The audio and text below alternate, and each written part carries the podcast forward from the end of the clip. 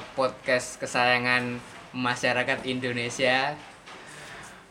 Kembali lagi di podcast Konsol YK. Tepuk tangan, tepuk tangan. Yes. Signature kita tuh tepuk tangan seperti biasa. Kembali lagi bersama saya sang moderator saya Nadim. Sebut saja Nadim. Eh, kali ini kita ditemani oleh eh, dua orang eh, apa ya teman saya yang satunya menjadi tamu spesial malam ini Eh, coba anda perkenalan dulu siapa Izinkan saya memperkenalkan diri. Nama saya. Cekek Iya, Jekek. Bupati Wonogiri loh, bangsat halo selamat malam Mas Cekek Iya, malam juga. oh ini Mas Nadim.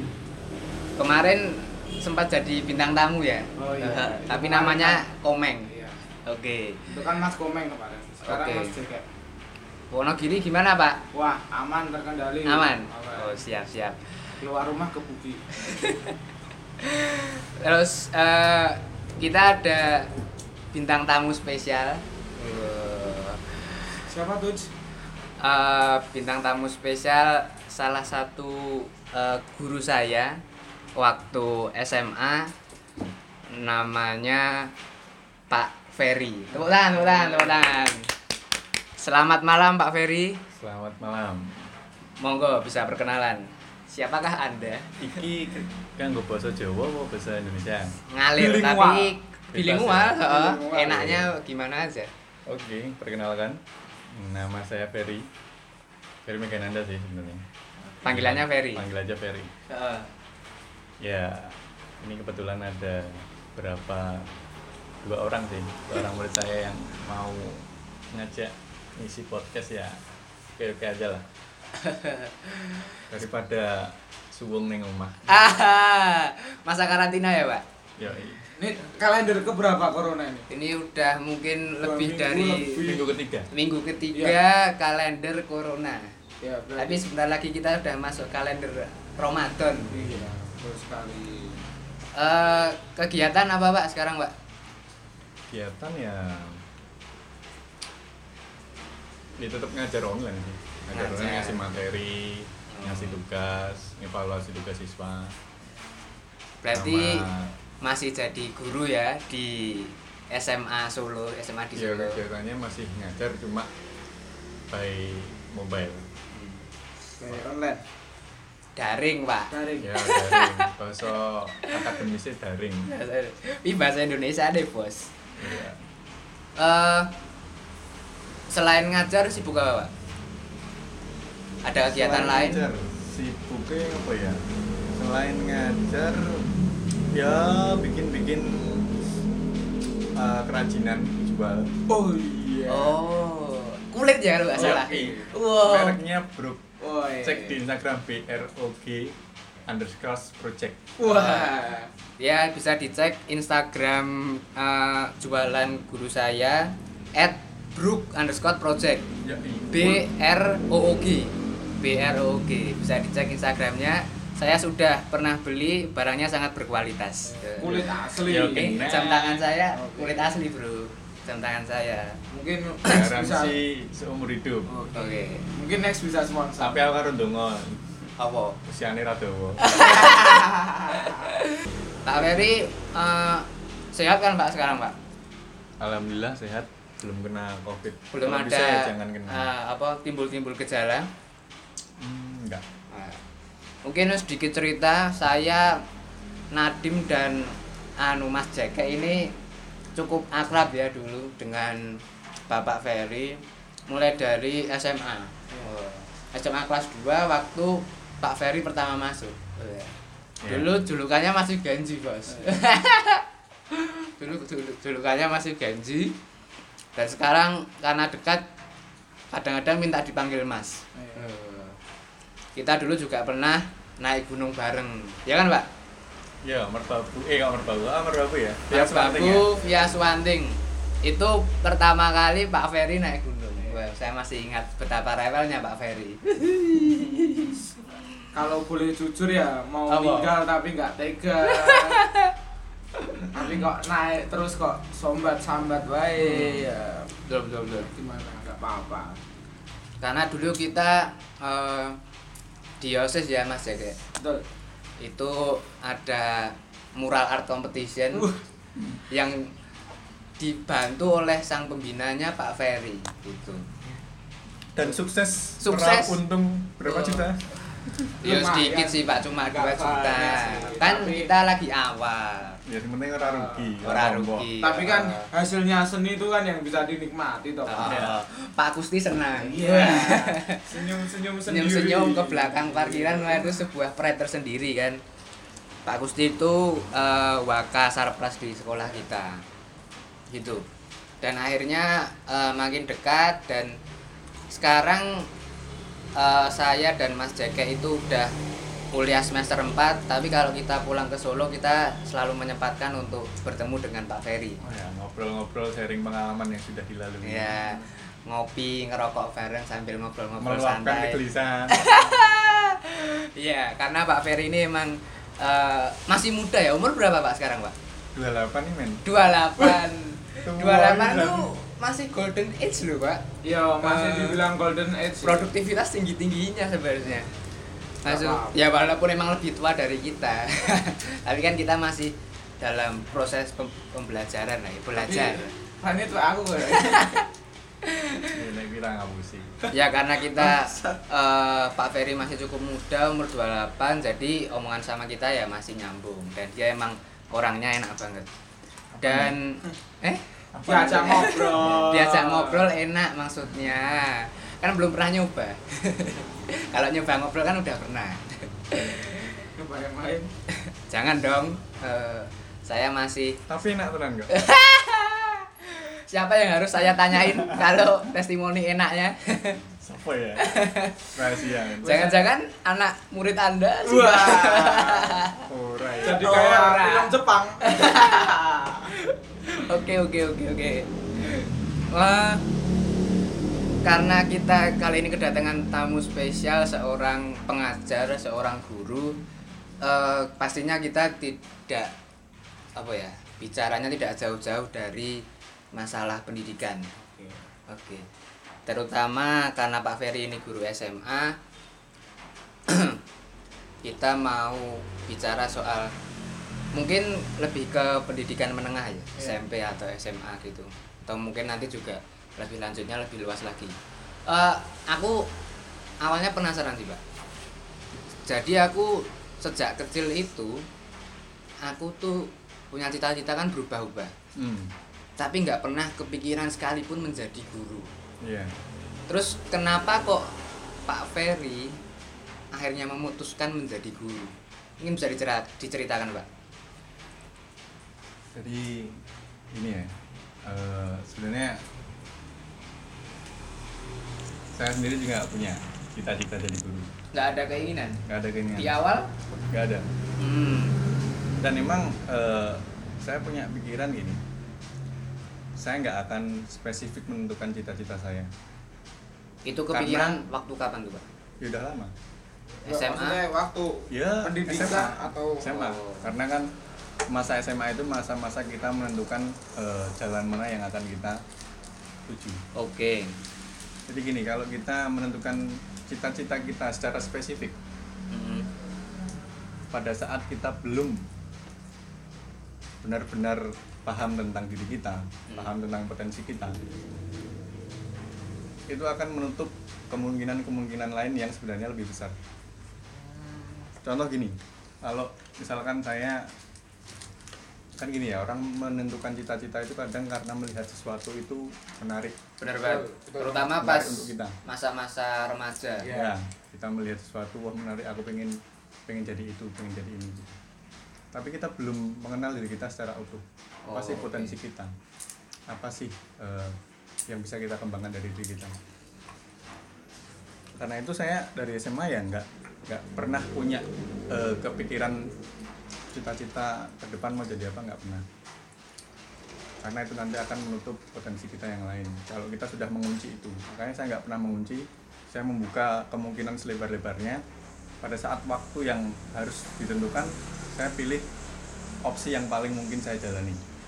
Banyak Oh, faktor yang menentukan oke, oke. kita memilih jalan kita. Pertama eh, mungkin passion. Passion. Kedua eh, kita merasa mampu. Faktor lain seperti faktor ekonomi juga menentukan. Ya.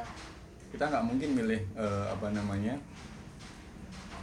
eh, jenjang pendidikan yang memakan biaya banyak. Oke oke. Kecuali kita memang punya eh, kelebihan eh, kompetensi yang bisa kita kan- gunakan untuk me- mencari beasiswa itu itu lain soal. Tapi kalau yang ilmunya pas-pasan kayak saya saya nggak punya nggak mungkin punya kesempatan untuk ngambil beasiswa dan dari segi ekonomi kan juga nggak mungkin saya memilih jurusan yang terlalu tinggi juga kan. Kedokteran. nah makanya ya, yang mampu saya jalani apa yang bisa saya lalui apa saya yakin saya bisa bermanfaat di situ oke oke.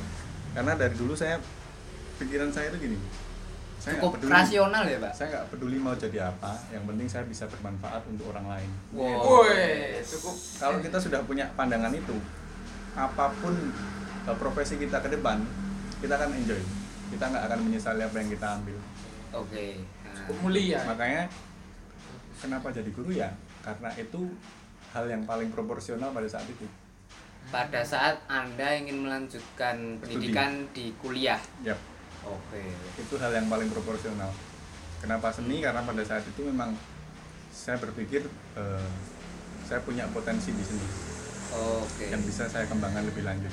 Tapi kenapa saya ngambilnya pendidikan bukan seni murni? Karena saya berpikir akan lebih bermanfaat ketika saya mengajarkan eh, ilmu yang saya dalami di perkuliahan Hah?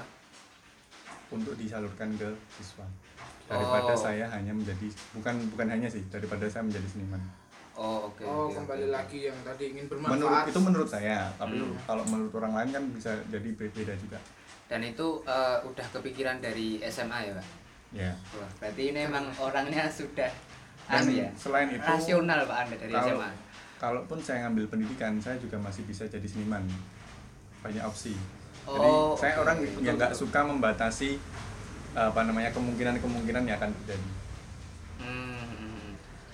jadi tapi emangnya kalau kita ambil seni murni nggak bisa jadi pendidik pak?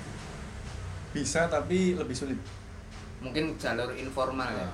nggak ja- eh bukan jalur yang formal kayak sekolah gitu ya enggak nek eh, kita mau jadi pendidik tapi ngambilnya jurusan kuliahnya murni seni murni Hmm. harus ada jenjang yang kita lalui dulu sebelum bisa lanjut apa Kayak- namanya ke dunia Kayak pendidikan ambil profesi. ya Oh, profesi ah. kependidikan Iya. tapi kalau pendidikan eh, langsung bisa. pendidikan langsung bisa Ini FYI Pak Ferry ini guru seni rupa ya. Guru seni rupa di SMA 3 Solo. SMA-nya. SMA-nya Nadim sama Cekek. Wis. Oke oke. Terus oh ya pokoknya Saya apa? sedikit bertanya. Eh apa eh, eh apakah kalau jenengan itu sopan, kita jenengan sopan sampeyan, Eh, sampeyan eh, luwih oh pas. iya. anda aja Eh, dia nek jenengan ndak ketuaan. Oke.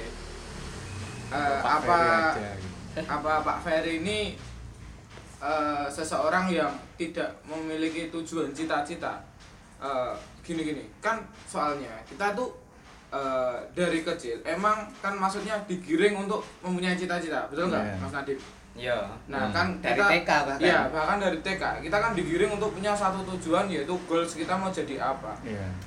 Eh, apakah di sini anda tidak eh, sejalan dengan apa yang dilakukan pendidikan di Indonesia. Dalam arti kita digiring dalam satu tujuan bukan eh, apa ya kayak jenengan tadi lebih ke tidak menutup kemungkinan ke mana-mana.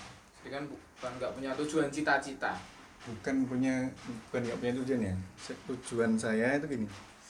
Saya pengen bermanfaat untuk orang. Itu kan nggak harus kita jadi Ah, apa. iya. nggak harus kita spesifik harus ini harus itu. Kamu Oke. bisa bermanfaat Oke. di bidang apa itu semua bisa bermanfaat yang saya nggak mau itu saya menutup kemungkinan kemungkinan lain yang sebenarnya bisa saya capai juga.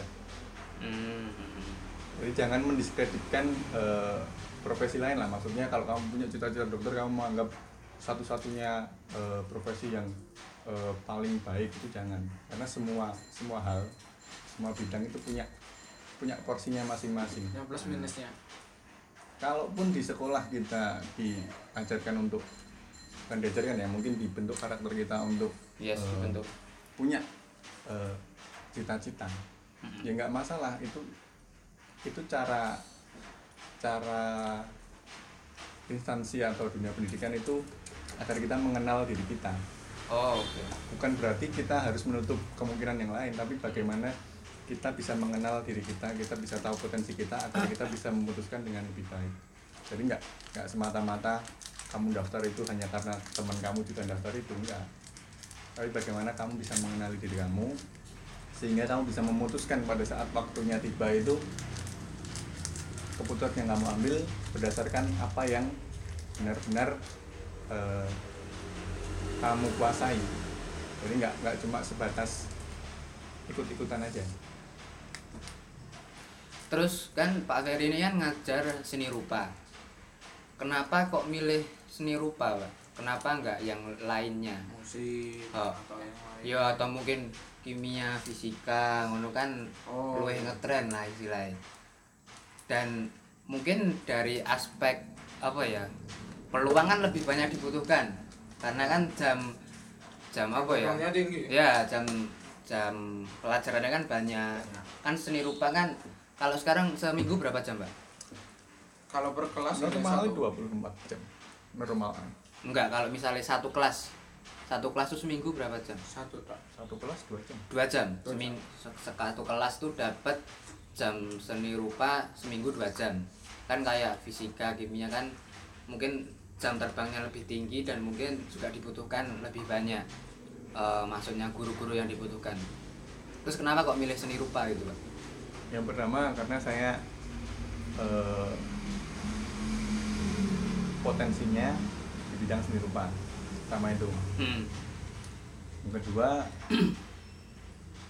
saya nggak pernah eh, apa namanya berpikiran kalau ke depan itu apa yang saya putuskan tidak akan berguna nggak. Pasti ada gunanya. Dan kalaupun tidak saya gunakan di dunia pendidikan saya masih bisa menggunakannya apa namanya di luar dunia pendidikan. Saya bisa jadi seniman saya bisa jadi pengusaha semua hal bisa kita lakukan tanpa tanpa apa namanya kita terpaku pada satu satu apa namanya satu hal yang eh, mengurung kita untuk berkembang enggak oh, oke oke oke.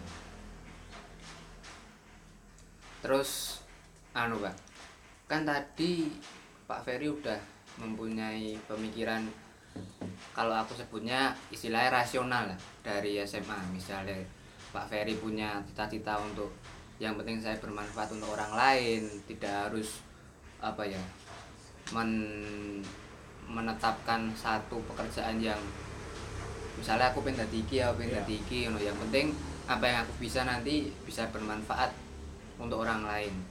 Dan mulai dari kapan Pak Ferry itu bisa istilahnya apa ya mengenal diri sendiri bisa mengenal oh mau mauku tuh sebenarnya apa loh di Kayak- fase mana? kayak inginku apa tuh itu waktu mulai SMA atau mungkin gimana? Sejak kecil itu saya sudah belajar untuk menerima diri saya sendiri. Dalam arti semua kelebihan dan kekurangan saya terima. Eh, saya nggak nggak berpikiran misalkan teman saya ambil jurusan hukum saya nggak nggak iri sama sekali karena apa? Saya menerima diri saya saya punya potensi ini yang bisa saya kembangkan ya udah. Itu aja saya kembangkan dan saya yakin itu akan bermanfaat ke depan kalau memang saya benar-benar eh, apa namanya apa? benar-benar mempelajarinya dengan baik insya Allah ilmunya juga bermanfaat juga untuk orang banyak. Kan kalau misalnya kayak aku gitu aku ki seakan-akan mengenal diriku itu malah lagi waktu kuliah hmm. lagi waktu kuliah terus nanti setelah aku mengenal mencoba berpikir mencoba apa ya istilahnya intros- introspeksi diri lah terus akhirnya nanti eh, malah berujung-ujung kayak aku mikirnya wah aku kok kayak salah jurusan dan Iya. sebagainya ngono kuwi. Lah itu Pak Ferry dapat hal untuk mengenal diri sendiri itu dari mana gitu loh pak atau Jadi, emang pak pak Ferry sendiri tadi- atau orang tua atau Tadi kan kamu ngomong loh, hmm. sekolah itu mengajarkan kita untuk mengenal diri kita sendiri. Ah. Itu pada saat ya mungkin era aku ya. Ya. Ah. Nah, Pada eraku itu. ini. Sekolah itu bener-bener eh, menjadi alat ukur untuk kita. Dalam arti gini, nilai dalam dalam era aku dulu. Nilai itu ya murni. Nilai matematika jelek ya jelek. oh tidak ada katrolan sekolah favorit. Jadi kita nggak terjebak dengan ukuran-ukuran yang sudah kita capai itu. tapi sistem KKM ada pak Ada. oh oke oke oke Jadi kalau nggak lulus, nggak naik kelas ya nggak naik kelas. oh iya iya Karena pada saat itu apa? Sistem PMDK itu masih sedikit. penerimaan mahasiswa ya Yang Ya. jalur undangan. Ya, jadi nggak memaksa sekolah untuk menaikkan nilai siswanya secara brutal. oh berarti ini Oh. eh, SNM-nya dulu namanya PMDK Iya, oke PMDK. ah, lanjut lah Sebenarnya kan itu apa namanya? Kayak bola salju itu. Jadi bermula dari Kecil. suatu kebijakan, mempengaruhi kebijakan yang lain, kemudian berimbas kepada eh, hal-hal lain. oke oke oke. Dan itu sekarang menjadi tolak ukur Ya, SMA Jadi- itu sendiri ya. Waktu itu kan nilai saya kan benar-benar murni, jadi saya tahu mana yang saya mampu kerjakan, mana yang saya kurang. Jadi dari itu ya itu nggak nggak 100% untuk mengukur diri kita sih sebenarnya. Paling nggak kita punya punya apa namanya Sedikit landasan ya? ya semacam landasan yang yang real lah yang bisa Valid. kita lihat bagaimana sih capaian kita dalam dunia pendidikan apa yang saya mampu kembangkan saya menonjol di bidang apa saya tahu kalau sekarang kan nggak ya ini jujur aja di sekolah itu memang eh, banyak sekolahan yang eh, memberikan nilai kepada siswanya itu nggak pure terutama SMA favorit Ya. ya nggak bisa dipungkiri sih Sam. Eh, Karena, Karena kan, kan punya- saingan tolak ukur tadi. punya image sekolah yang Iya. bagus Ah. jadi otomatis ketika nilai siswanya bagus itu tidak akan menimbulkan suatu apa namanya nggak debatable lah. Tapi kalau misalkan sekolah yang kurang kurang berprestasi saya nggak Ah. bilang favorit ya. Hmm. karena beda ini. Sekolah yang kurang berprestasi. Kalau mau meningkatkan nilai siswanya akan muncul sebuah pertanyaan. Makanya kenapa sekolah menerapkan sistem donasi itu? Ya untuk meratakan itu tadi. Cuma Oh, oke. di di situ juga muncul masalah-masalah baru juga. Ya untungnya sekarang donasinya sudah di apa namanya tidak tidak seketat dulu kalau dulu kan 90% sekarang 50% dulu itu tahun berapa pak Sebut tahun 2018 19 oh Sampai oke kemarin. oke oke oke setelah kita lulus ya. oh Donasi, pada ya. lulus nah yang donasi yang tahun depan Hmm. itu 50% Oh, berarti baru mulai tahun depan. ya Eh, Jadi itu tadi kenapa saya bisa paling nggak sedikit mengenal mulai mengenal diri saya ya dari dari beberapa aspek itu tadi. berarti kalau melihat contoh saya nih pak. Saya merasa gagal untuk mengenal diri saya di SMA Nah itu apakah berarti sebuah kegagalan sistem pendidikan Indonesia saat ini untuk membuat muridnya mengenal dirinya diri sendiri? Eh mengenal dirinya sendiri. Apakah itu sebuah kegagalan untuk Kalau sekarang pak Menurut saya ya itu salah satu faktor yang menghambat kita untuk tahu potensi kita. Hmm, Karena nilai sekarang nggak bisa jadi tolak ukur kompetensi. Jujur Betul. saja nilai nggak bisa jadi tolak ukur. oh oke oke oke Jadi otomatis kamu harus mengenal diri kamu sendiri berdasarkan apa yang kamu alami. Hmm, atau paling tidak lewat passion kamu yang kamu yakin kamu bisa berkembang di situ. Jadi contoh Kalau tadi, dulu waktu saya masih bisa mengandalkan nilai sebagai alat ukur. tolak ukur. Nilai itu kan sebenarnya alat ukur kita, Hmm. mengukur kompetensi kita. Tapi sekarang nggak nggak nggak bisa. karena alat adanya mas mungkin katrolan Ya. gitu pak terus itu imbas dari apa namanya sistem PMDK tadi. Nilai nggak boleh kurang, nilai nggak boleh turun. hmm, Berimbas pada karena sekolah juga istilahnya apa ya menjaga Image. ya image jatahnya itu undangan akreditasi itu kan pengaruhnya banyak.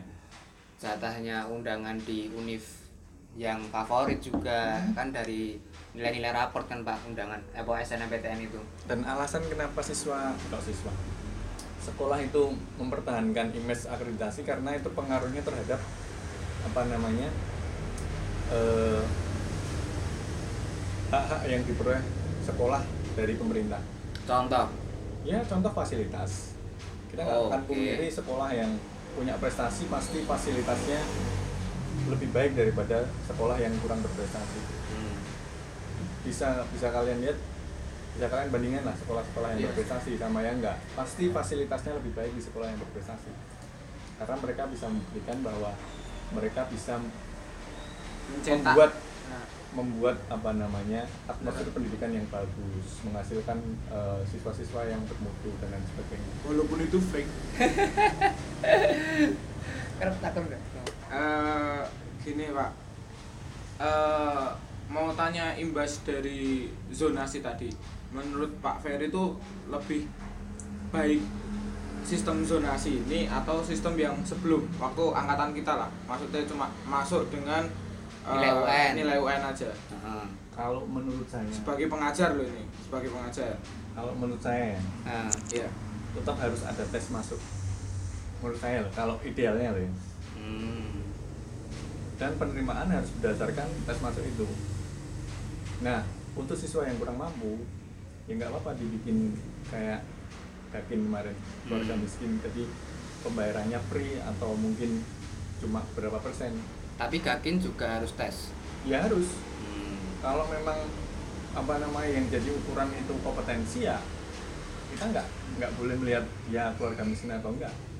Oh, oke oke oke. Oke, soalnya gini Cuma nanti perlakuan di sekolahnya yang beda. Misalkan mereka nggak suruh bayar uang apa, uang gedung atau dan sebagainya, nggak Oh. masalah. Cuma dalam uh, sistem seleksinya ya harus satu standar, nggak boleh standar ganda. Berarti UN itu nggak ideal dong Pak untuk masuk untuk melanjutkan ke jenjang selanjutnya. Ini uh, di setiap daerah pasti punya apa namanya kekurangan dan kelebihan. Ah. Kita nggak bisa apa namanya standar rata standar di Jakarta misalkan digunakan untuk standar di pulau-pulau terluar di Indonesia Ah, karena kan Merauke. juga fasilitas pendidikannya kurang tenaga pendidikannya tenaga pendidiknya juga kurang. Kita nggak bisa membuat mereka jadi status satu standar. Makanya perlu adanya tes masuk. Dan tes masuk itu sesuai dengan standar di daerah itu. Oh, oke. Tapi ya, ya harus ke depannya tetap diperbaiki terus. Nggak boleh standarnya kok segitu terus ya nggak mungkin. Tetap Harus harus ada perubahan cuma ya nggak bisa secara langsung kan Hmm. Nah, emang emang apa namanya ini butuh proses lama nggak nggak bisa satu langkah langsung Berarti arahnya ke pemerataan pendidikan ya. ya Oke. Karena emang timpang banget, Bro. iya Kayak misalnya di luar itu ya misalkan ya satu sekolah mungkin hanya ada dua guru tiga guru yang ngampu beberapa kelas di luar oh Lah, di ya, luar di- di pelosok-pelosok itu ya kan mungkin di maaf mungkin di Papua Ah. itu masih kekurangan banyak guru dan menurutku neng Solo kuwi hitungannya udah maju banget loh, Pak. iya aku mengambil contoh wae di jurusanku itu eh, kan kebanyakan eh, orang-orang daerah ya karena aku kan vokasi kan kebanyakan orang-orang daerah dan di sana itu aku kan ada mata kuliah bahasa Inggris wajib 5 Hmm. semester Iya. dan aku kuwi termasuk eh, istilahnya apa ya pinter dewi lah Ah. dalam hal bahasa Inggris. Nah, dengan melihat realitas seperti itu, terus oh ternyata emang pendidikan di Indonesia emang sangat Kurang timpang gitu. kurang ya. kurang rata. Makanya kalau dipakai satu standar untuk menentukan kompetensi siswa ya nggak adil. Oh, Ibarat gini ibarat kamu eh, kesehariannya makan cuma lauk tahu tempe. Teman kamu lauknya bermacam-macam ikan. nah, daging-daging, nutrisi, vitamin. Lalu kamu diminta untuk apa namanya secara fisik ber, bersaing kan juga itu sudah nggak adil dulu. Oh. secara apa namanya ya? Hal yang fundamental ya, Pak, Ya, dasarnya. hal dasarnya kita nggak nggak seimbang lalu Hmm. di disuruh battle dengan standar yang sama. Nggak akan mungkin bisa. Tapi lambat laun ini akan pasti ya bisa. harus harus, harus bisa. harus diratakan eh, gini kembali ke tadi Gakin ya. Kalau Gakin eh, saya rasa katanya lebih mudah untuk masuk ke SMA SMA favorit melihat anu ya yang Ah, melihat, tahun ah, kita tahun kita. yang terjadi di dalam soalnya gini Gakin tuh juga kadang minta surat keterangan mohon maaf miskin tadi itu itu ka- kayak maksa banget Eh, soalnya eh, contoh saya bawa saya aja RW Hmm. nah itu kan pasti dimintai stempel tanda tangan dan pasti diajuin proposal apa supaya dia mendapat Gakin karena dia pengen ke sekolah favorit Ya. itu bagaimana tanggapan anda itulah problem ketika sebuah eh, kebijakan bercampur dengan perasaan. oh iya iya iya Contoh iya, ini, iya, iya. kenapa banyak guru honorer yang sudah tua nggak diangkat jadi PNS? Ya, sekarang kita nggak mungkin ngangkat orang yang kompetensinya kurang, sedangkan banyak yang lebih berkompeten.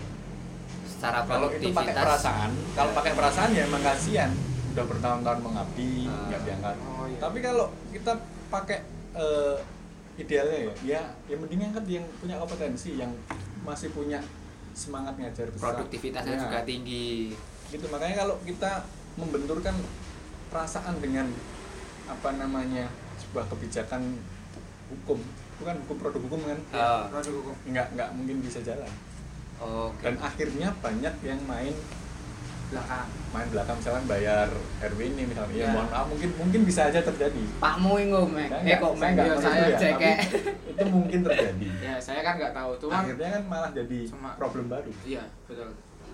Betul seperti itu. Tapi Pak maaf. Bapak ini udah PNS atau masih honorer? Pak? masih honorer.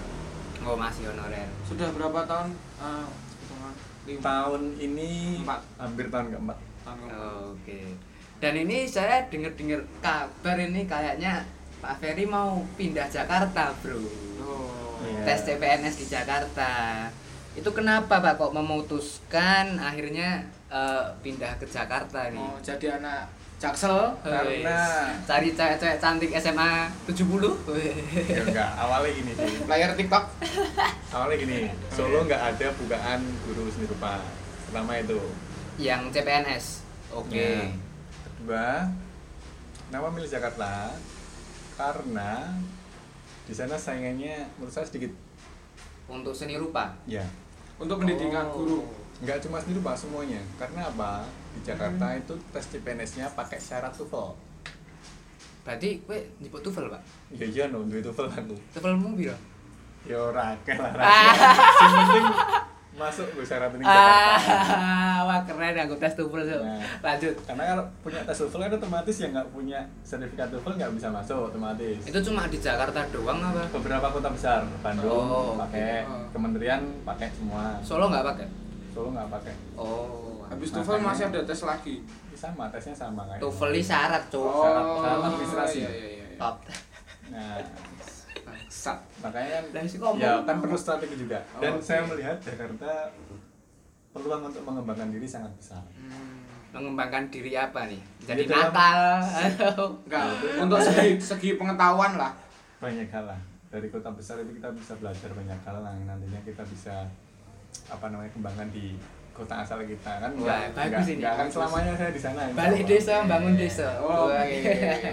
sebenarnya cekek cuk Eh, lali ya oh lupa mas karena wabah ini saya juga ikut pusing ya Dengan kemarin wabah. alhamdulillah tes pertama ranking satu Wes keren banget aku bangga sama akan nanti tes kedua lolos tapi ditunda karena COVID-19 ya Pak ya. Ya. Pandemi. makanya saya masih bisa ngobrol di sini Oke. kalau enggak udah di Jakarta ini Wah.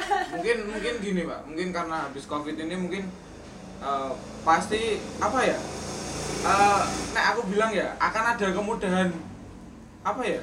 Nek aku bilang karena semua ini banyak yang tertunda. Nanti mungkin kayak dirapel atau dan sebagainya. Oke ada kemudahan yang lain gitu loh pak. Maksudnya? Kebijakan dari pemerintah pasti akan berubah. Ya dalam kan? hal? Dalam hal yuk, Pendidikan. semua pendidikan penerimaan dan sebagainya. Yo, nek saya sih nggak nggak mengharapkan itu terjadi. Intinya saya mempersiapkan diri sebaik mungkin. Itu aja. Soalnya ini kan mendekati penerimaan toh Iya, ini kan semester penerimaan. masuk semester genap kan? Betul. Dan ini juga eh, pengumuman SNM baru aja Baru aja, kan? tadi jam 1 siang. Wis selamat yang masuk SNM Woi. yang nggak masuk ya terima saja. Itulah kehidupan. Ya. Masih ada kolosium kolosium apa cuk? Kolosium UMS oh iya UMS buka daftaran wis. Terus eh ini mah deh ngomong tentang di tekan kebijakan dan eh, ini kan Menteri Pendidikan baru pak. Nadiem Makarim. 36 tahun nih ya 36 tahun Menteri Pendidikan seorang apa ya CEO pengembang. dari ya, perusahaan pengem- pengembang perusahaan yang ma- udah masuk unicorn di Dekakon namanya oh udah. OTW OTW Dekakon. oh wes apa wes? Wis Aku-. Oh malah sekarang Oh, Dekakon udah, udah Dekakon. di Indonesia gitu loh. Gila dan sih? cukup muda dan saya melihat kebijakan-kebijakannya juga cukup apa ya breakthrough lah istilahnya cukup apa ya Soalnya menggulingkan cukup menggebrak-gebrak. Nah menggebrak-gebrak dari menteri-menteri sebelumnya para baby boomers. Para baby boomers pak. Nah melihat eh, berbagai kebijakan yang dilakukan Pak Nadim itu menurut anda gimana pak? Mungkin bisa dijabarkan satu-satu atau bagaimana? Monggo. Kalau menurut pandangan saya Heeh. eh, banyak kebijakannya yang menurut saya layak untuk dicoba. Contoh? Contohnya eh, penyederhanaan perangkat pembelajaran untuk guru Itu apa, Pak? Itu- pembelajaran itu, misalkan itu maksudnya gimana RPP misalkan Oh, iya, RPP iya. kalau guru mau ngajar masuk kelas Hmm. nggak mungkin dia nggak tahu apa yang akan dilakukan butuh rencana pembelajaran dia di kelas mau ngapain harus sudah jelas Hmm.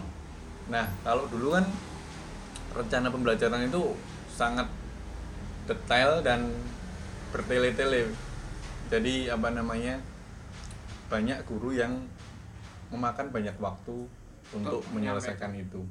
Oh. Nah sekarang dipermudah atau disederhanakan. RPP-nya ya baik formatnya ataupun apa namanya implementasinya nanti lebih fleksibel. Jadi enggak harus secara detail runtut nanti pembukaan 5 menit untuk salam 10 emang menit dulu untuk- ada kayak gitu pak? Ada.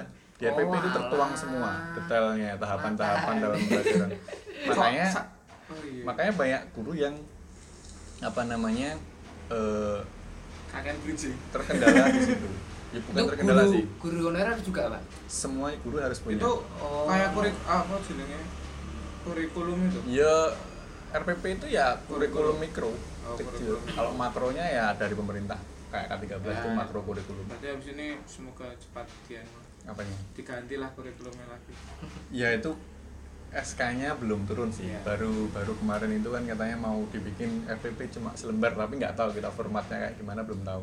oke Ya mu- Berarti mudah-mudahan untuk sampai sekarang masih pakai RPP lama. ya dan guru kemarin kan dibebankan berbagai macam eh, beban administrasi. Kayak ya, apa, Pak? contohnya RPP tadi Hmm. terus kayak apa namanya eh, bikin laporan eh, apa namanya tentang capaian kinerjanya dan lain sebagainya Hmm. seharusnya kan guru ya dia harus fokus mendidik siswa aja Hmm. hal-hal yang tidak berkaitan dengan kegiatan di kelas kalau bisa dikurangi atau disederhanakan biar nggak eh, menjadi eh, apa Iya, namanya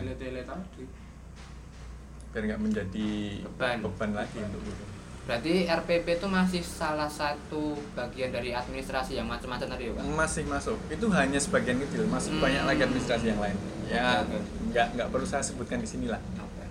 Kalau kebijakan yang lain, Pak, mungkin terkait UN. nah terkait UN yang diganti namanya menjadi penilaian kompetensi minimal itu Hmm. ya ah. Gua ya menurut saya lah kudune. eh, ngerti UN lah. Saya belum tahu wujudnya seperti apa jadi mungkin ini masih meraba-raba ya Hmm. kalau namanya penilaian kompetensi minimal kemarin kan yang dinilai cuma aspek kayak logika Membaca. numerik Hmm. terus Literasi. literasi sama apa lagi satunya Aku lali bos. ya saya juga lupa karena belum belum turun SK-nya jadi kita belum mempelajari juga Dan juga belum dilaksanakan ya, ya Pak? kalau menurut saya itu kan acuannya dari luar dan pasti sudah dijalankan dan pasti Luar tuh punya- maksudnya luar negeri. luar negeri nggak Oke. mungkin kita menjalankan suatu kebijakan tanpa itu sudah benar-benar terbukti bisa dijalankan Hmm. karena Indonesia kan negara berkembang Ya. pasti dia punya kiblat untuk menentukan sebuah kebijakan dan kiblatnya ya pasti dari luar nggak mungkin apa namanya kita punya formula sendiri. Karena kita ya terus terang kan ya. pasti pasti nggak nggak mungkin lah. Jadi kurang mungkin. Dan- dan nggak mungkin? resikonya sangat besar. Nah, makanya eh, mungkin itu layak untuk dicoba juga.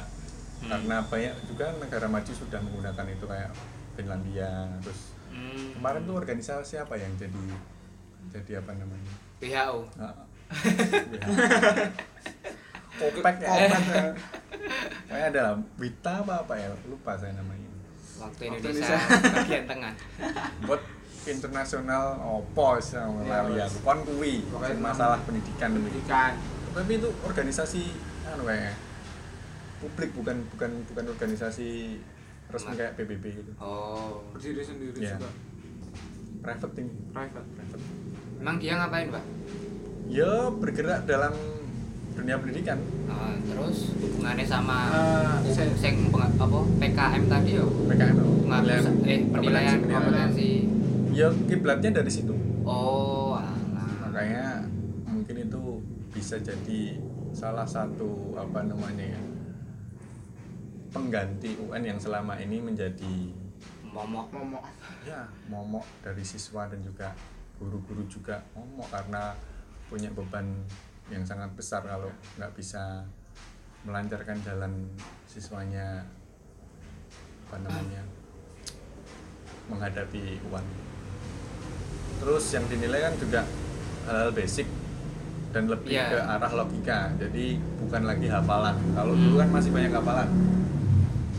Dan sekarang kan guru juga dituntut untuk membuat materi soal yang lebih berkualitas Oh, HOTS, kayak HOTS, uh, high order thinking and skill Nah, C Soal HOTS. 4 minimal apa itu Jembat? CC 4 apa Bom. ya taksonomi belum karena ada C1 Oh, sampai C6 taksonomi belum Oh. tahu tahu. Emang gue mudeng sok Ah, mudeng lah. kayak klasifikasi tingkat tingkat apa ya bukan kesulitan sih Taksonomi belum kan yang pendidikan itu Iya. ya, Pak. Ah. C1, C2, C3, C4, C5 sampai C6 Oh, alah. C6 itu nanti menciptakan Oh, C5 iya. itu mengevaluasi C4 itu kalau nggak salah melaksanakan Hmm. dan Yang sebagainya oh iya iya memahami Nah, dan itu. oh iya iya iya. saya agak iya. lupa dikit sorry gitu gitu. Dan ini dilakukan di kelas 2 ya, Pak? sebenarnya di semua jenjang pendidikan Oh. Baik. dasar menengah Menengah, tinggi itu sudah diterapkan di SD pun ada kok C C6 ada Hmm. Tapi sesuai tingkatan usianya Iyalah, nggak nggak nggak mungkin bisa mengatakan gitu Karena menurutku untuk pendidikan Indonesia sekarang itu hal-hal yang fundamental kayak gitu, Pak. Kayak misalnya literasi, logika dan sebagainya itu malah kelewatan, Pak.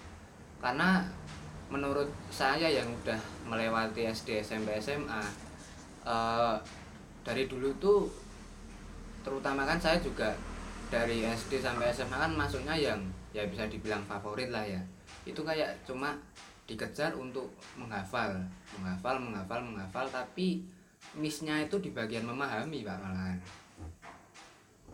memahami kan anu ya literasi ya masalah literasi ya. Ah. memahami sebuah apa namanya permasalahan dalam nek menurutku problem utama kita adalah kultur. Kultur membaca kita masih kurang. Ya setuju. Jadi sejak dini kita nggak nggak di apa namanya tanamkan kultur untuk eh, ya minimal membaca lah membaca apa gitu kan kita nggak ada. Itu Jadi- keluarga juga pengaruh banget ya pak ya? Hmm, emang emang basicnya kita kan dari keluarga. Oh Iya, jadi kesadaran masyarakat tentang pentingnya membaca tentang pentingnya kita menambah wawasan dari bacaan itu memang kurang. Makanya kita ketika memahami suatu kalimat itu ya sulit. Memahami sebuah konteks itu sulit. Karena kita nggak terbiasa untuk membaca. Kita nggak terbiasa untuk membaca. Baca apa pun lah kita baca novel itu menambah kepekaan kita kok. Jadi Maksud saya kultur kultur Masih itu masih kurang menurut saya dan baru digalakan kan akhir-akhir ini. Ya sekolah literasi dan lain sebagainya. Mm-mm. ya kalau menurut saya itu nggak bisa langsung sih. Memang butuh proses dan harus sejak dini nggak bisa langsung gitu. Tapi kebijakan sekarang mendukung itu nggak pak?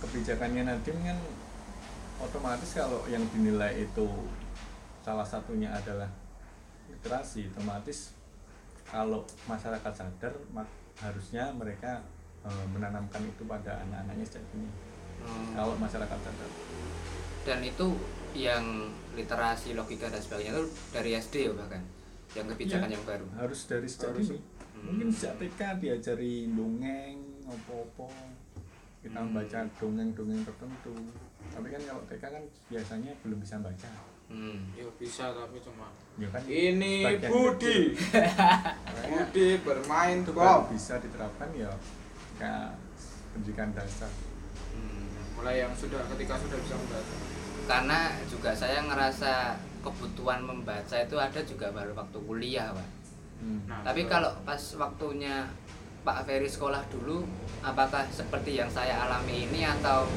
bagaimana pak karena sih, sih.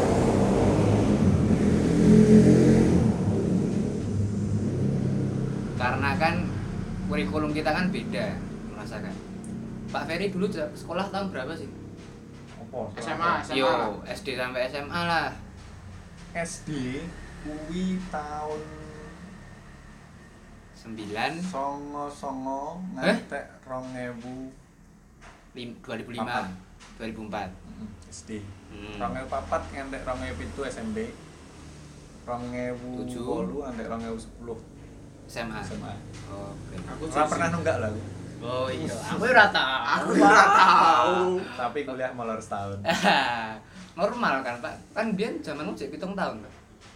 iya Hmm. tahun sing aku saiki wis deg-degan Itu gimana, Pak? Kalau melihat pendidikannya Pak Ferry zaman dulu apakah masih sama seperti yang saya alami ini atau gimana? sebenarnya nggak jauh beda cuman Hmm. dulu nggak banyak distraction distraction itu gangguan Iya, Oh, tahu. iya, Ya, mungkin Yang ini nggak tahu. pendengar nggak tahu Oh, oke, oke. kita kan intinya pendengar paham Loh, Gitu. siap, Bukan siap. paham. jadi gini zaman dulu nggak ada yang namanya gadget Yes, ya of itu course. bisa itu dua mata pisau sebenarnya Sosmed. ya medsos itu kan distraction jadi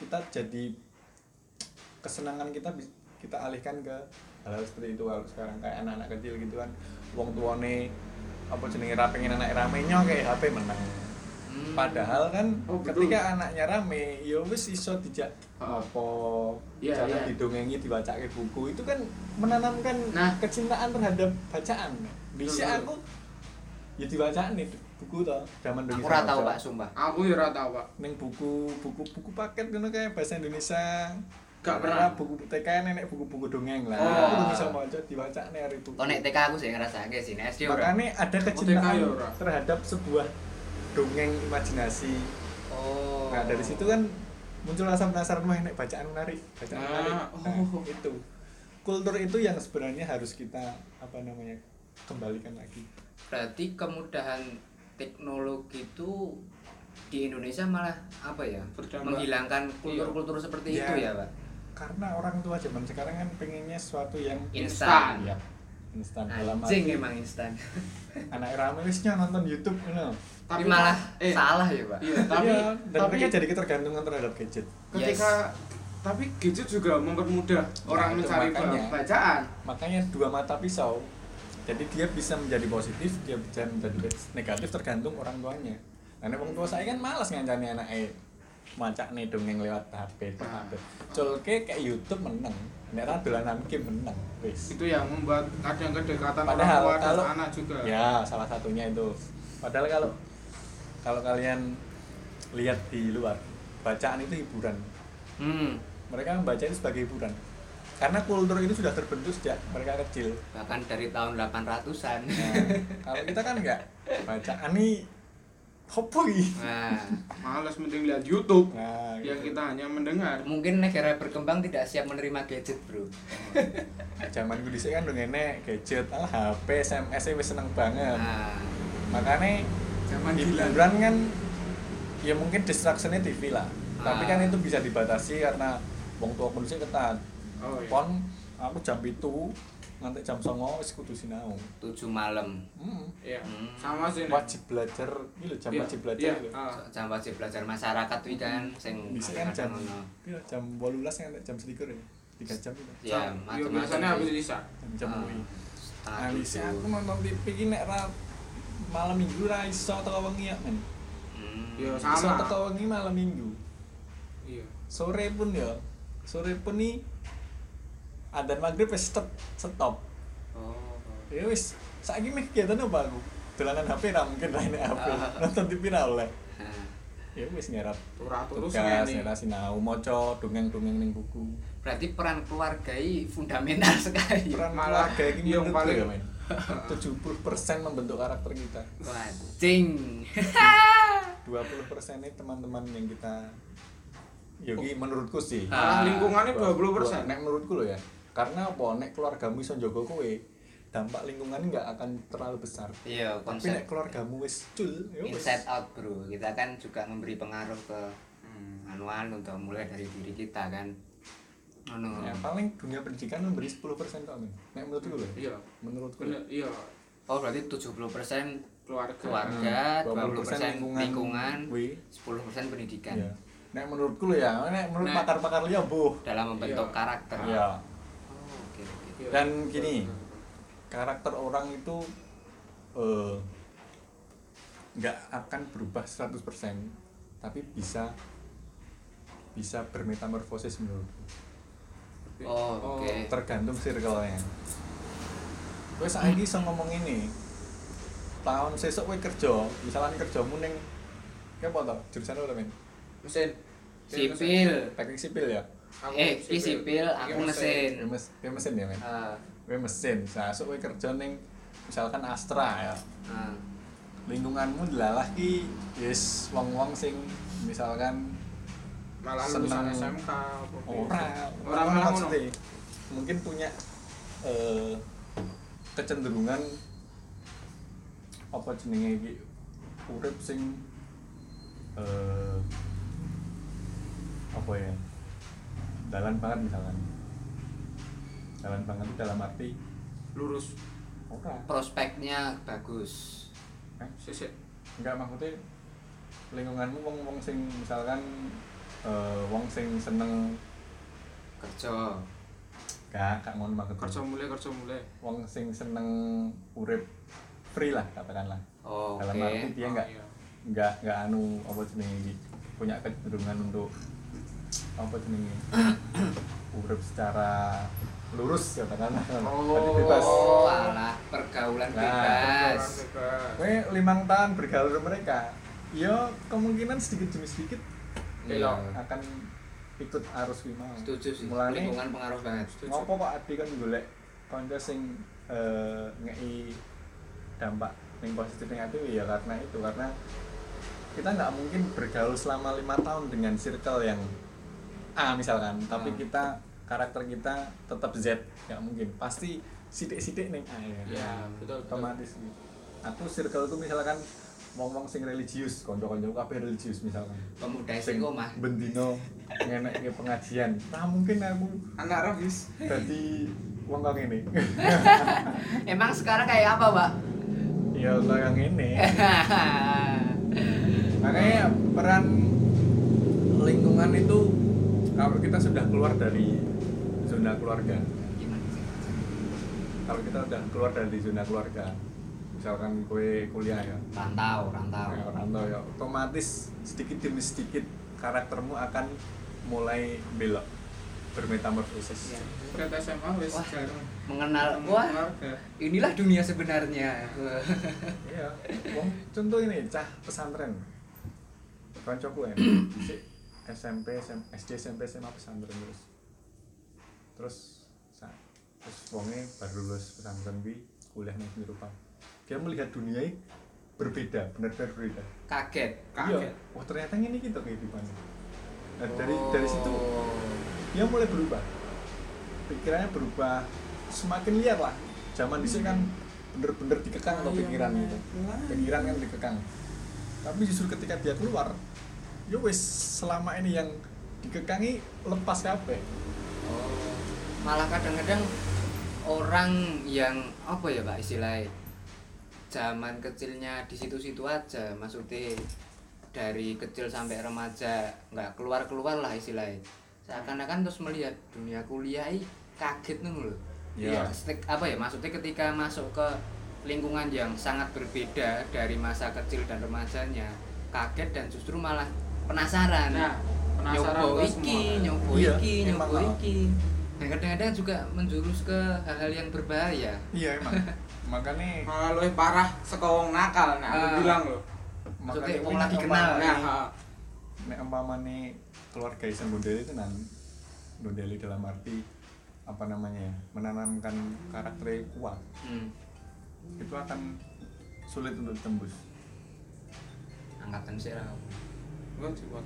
Halo bos Oke teman-teman karena udah satu jam kita kita bertemu lagi di part selanjutnya dengan tamu spesial Bapak Ferry Megananda. yang narasumber yang sangat bonafit Iya, narasumber ah lupa saya tadi ya. Narasumber-narasumber yang sangat bonafit. Kita jumpa lagi di part selanjutnya. Dadah. Dadah. Wiu.